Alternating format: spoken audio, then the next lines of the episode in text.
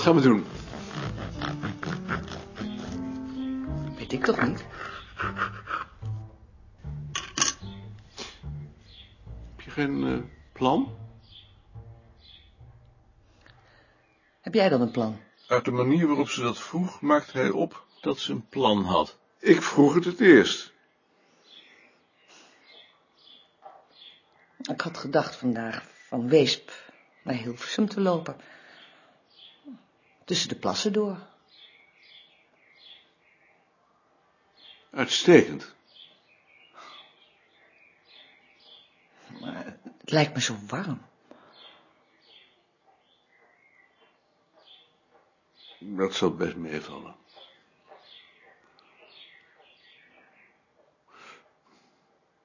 Zo warm kan het nog niet zijn.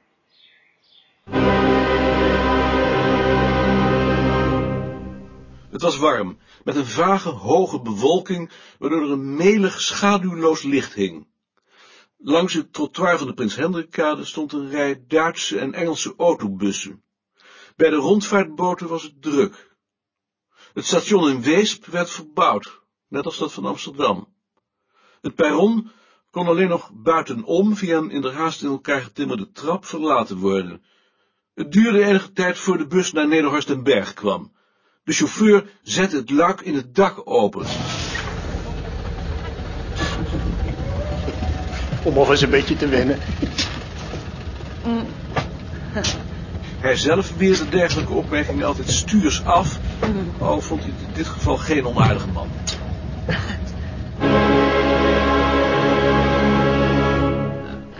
Bij de eerste boerderij op de Horstelmeerdijk lagen zes varkens te genieten in de modder naast een klein vracht bieten. Ze bleven stilstaan, strekte een behagelijk zijn achterpoot in de lucht. Ze liepen de dijk af. Het scherpe licht en de drukkende warmte bezorgden hun allebei hoofdpijn. Nicolien raakte daarvan uit haar humeur. Ze hield niet van dit weer.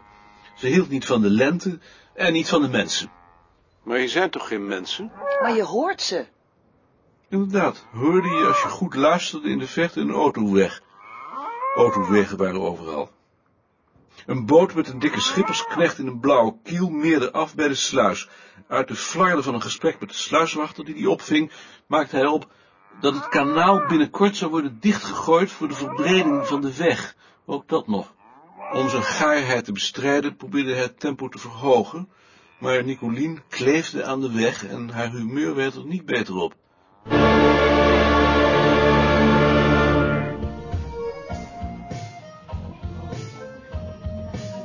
Vreeland. In het Amsterdams koffiehuis dronken ze koffie met een appelgebakje. Een oude dame aan een tafeltje naast hen begon een gesprek. Ze bleek op de fiets te zijn.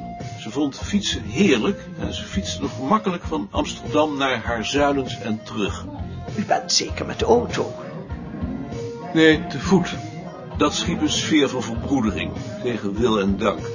Want dat gepraat met vreemden vond hij een ramp. Bovendien was het een wel erg nette, verzorgde dame. Oh.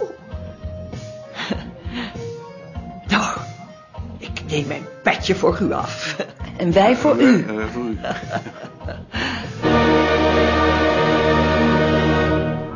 liepen door Vreeland naar de fietstunnel.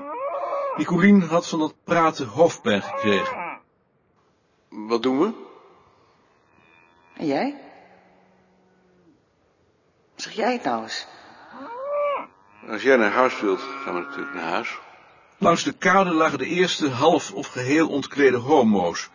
Een oude man die zich helemaal had uitgekleed en naast zijn bromfiets zat te wachten, zette een eierwarmer op zijn geslacht toen hij hen zag aankomen. Lag op zijn lippen om daar een opmerking over te maken. Aan mensen die zich exhibitioneerden had hij een hekel, of homo's of hetero's waren. Maar als het homo's betrof, dacht Nicolien daar anders over, want die hadden iets te bewijzen. Je kunt hier eigenlijk alleen met sneeuw lopen. Maar jij zei dat het hier koeler zou zijn. Heb ik dat gezegd? Waarom heb ik dat dan gezegd? Omdat ik zei dat ik zo'n last had van de warmte. Als hij dingen ging vergeten die hij een kwartier geleden gezegd had, begon het er somber uit te zien. Nou, loop niet zo hard. Nee. Jij moet voorlopen. Je weet toch dat ik niet voor wil lopen? Je moet gewoon wat minder hard lopen. Als je gaar bent, moet je de pas erin houden. Niet als je hoofdpijn hebt. Hij deed zijn best om langzamer te lopen. Ze staken de weg over. Bij het begin van de kromme rade stond op een bord slecht voetpad. Begrijp jij dat? Als dit al een slecht voetpad is, dan kun je nergens meer lopen. Het zal wel voor mensen zijn die niet gewend zijn om te wandelen. Misschien is het een subtiele manier om fietsers weg te houden. Het is een voetpad, maar iedereen fietst er. Je kunt er geen bord slecht fietspad zetten, want dan sta je toe. Dan fietsen diezelfde mensen er toch. Maar dat is me te ver gezocht. Waarom is dat te ver gezocht? En ik wil niet praten, want ik ben uit mijn humeur. Hoewel het een slecht voetpad was, was het een drukte van belang. Mensen met en zonder fietsen, bootjes, mensen aan de kant bij bootjes. Toen ze die allemaal achter de rug hadden, liep er alleen nog een dikke, in het blauw geklede vrouw met een keurig gekapt hoofd voor hen. Af en toe bukte ze zich en plukte een madeliefje. Het lag op zijn lippen om daar een opmerking over te maken, maar toen ze aan de slootkant ging zitten en hen vriendelijk groette, Goedemiddag. groette hij vriendelijk terug. Goedemiddag. We nemen nu wel de bus. Maar toen ze bij de halte aan de Savenlandse weg kwamen, ter hoogte van de stoomwasserij, ontdekten ze dat ze dan 35 minuten moesten wachten. Door Gooilust en het Groene Bos dan maar. Aan de andere kant van het Groene Bos reed de bus voor hun neus voorbij. Ik heb zin in een ijsje. Ik wil het niet. Je lijkt wel een klein jongetje. Dan toch omdat jij dat van me maakt. Dat je toch zo weinig rekening met me houdt. Dat je me niet ontziet. Als je toch merkt dat ik moe ben, hoofdpijn heb. Nooit zal je zo aan me denken. Ik heb toch geen ijsje genomen? Hè, dat moest er nog bij komen. Het is wel erg genoeg dat je erom vraagt. Kwartier te vroeg waren ze op het perron en wachten op een bank. Een oude man neusde in een vuilnisbak. Hij tilde een dichtgebonden plastic zakje op en keek tegen het licht naar de inhoud. Een zakje fijn gesneden hart. Hij liet het weer vallen, zo te zien een nette man. De trein. In Amsterdam was het voor het station een grote drukte. Een lange rij taxis stond tot aan de brug. In de gang van hun huis was het aangenaam koel. Zodra ze binnen waren, kwam ze langzaam weer in haar humeur. Ze dronken thee. Hij las de krant. Daarna liepen ze naar Marrakesh voor de couscous royale, waaraan hij de hele dag, telkens als hij zijn humeur dreigde te verliezen, had gedacht. Tevreden liepen ze terug voor een kop koffie en een stuk paasgebak. Een welbesteden dag.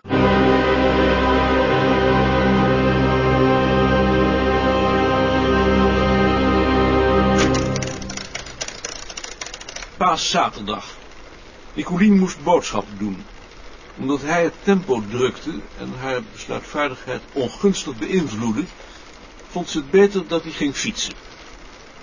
Hij reed achter het station om door Kattenburg naar het Amsterdam-Rijnkanaal. Het was stralend weer. In de stad was het druk, maar zodra hij buiten was, op de Kanaaldijk, was hij nagenoeg alleen. Dat maakte dat hij zich ongewoon vrij en gelukkig voelde. Hij draaide zijn benen langzaam in de ronde en keek met aandacht om zich heen. Op de brug, halverwege de sluizen, stond met grote letters Delilah, I love you, Mohammed. Dat zou hij tien jaar geleden niet hebben aangetroffen. Een lichte vreemdelingenhaat dreigde zich van zijn stemming meester te maken. In Driemond stopte hij achter drie kleine jongetjes voor het stoplicht. Het grootste draaide zich naar hem om, op het kleinste wijzend, Sla maar op zijn meter om, meneer, van mij mag het. optrekkend en doorfietsend werd hij nijdig op dat rotkereltje. Maar de gedachte dat het zeker een rot mannetje zou worden, bracht hem weer in zijn humeur. Alles is zoals het is en zo is het.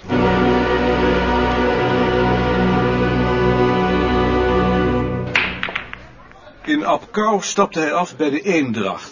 En, heer, Eén koffie graag.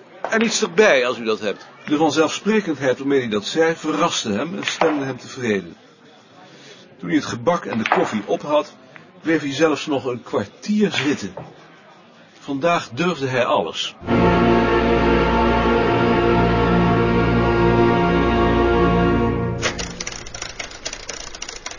Het werd drukker. Veel mensen op snelle racefietsen. Dat zag je tien jaar geleden ook niet. Hij reed daar langzaam tussen, de wind nu in de rug. Iedereen passeerde hem. Hij liet zich passeren en passeerde niemand. Ouderkerk.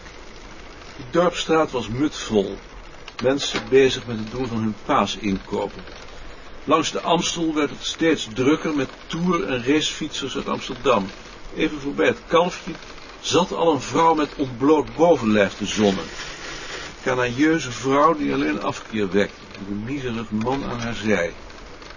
Hij passeerde een man met een bril op een nog iets hogere fiets dan de zijne. Waarschijnlijk een superintellectueel. Hij jakkerde tegen de brug op, liet zich weer naar beneden rollen en keek nieuwsgierig naar de mensen die met bloemen in de hand Zorgvliet binnengingen.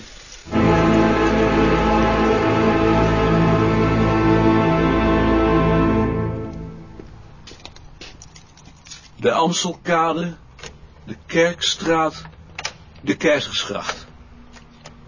Hij ging het bureau binnen en zette zijn fiets in het portaal, haalde de post uit de brievenbus en bracht haar in de keuken. In het gebouw was het doodstil, alsof er nooit meer mensen zouden werken. Een stil, gezeefd licht. Hij deed een plas op zijn eigen verdieping en klom toen verder omhoog naar de zolderkamer. De boedelbeschrijving waarmee hij donderdag bezig was geweest, lag opengeslagen naast de machine. Hij gaf de planten water, stopte zijn mesje dat hij vergeten was in zijn zak en fietste naar huis.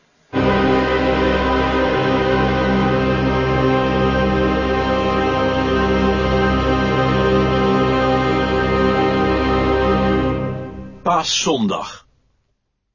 Wat gaan we vandaag doen? Ik had naar Edam gewild, maar...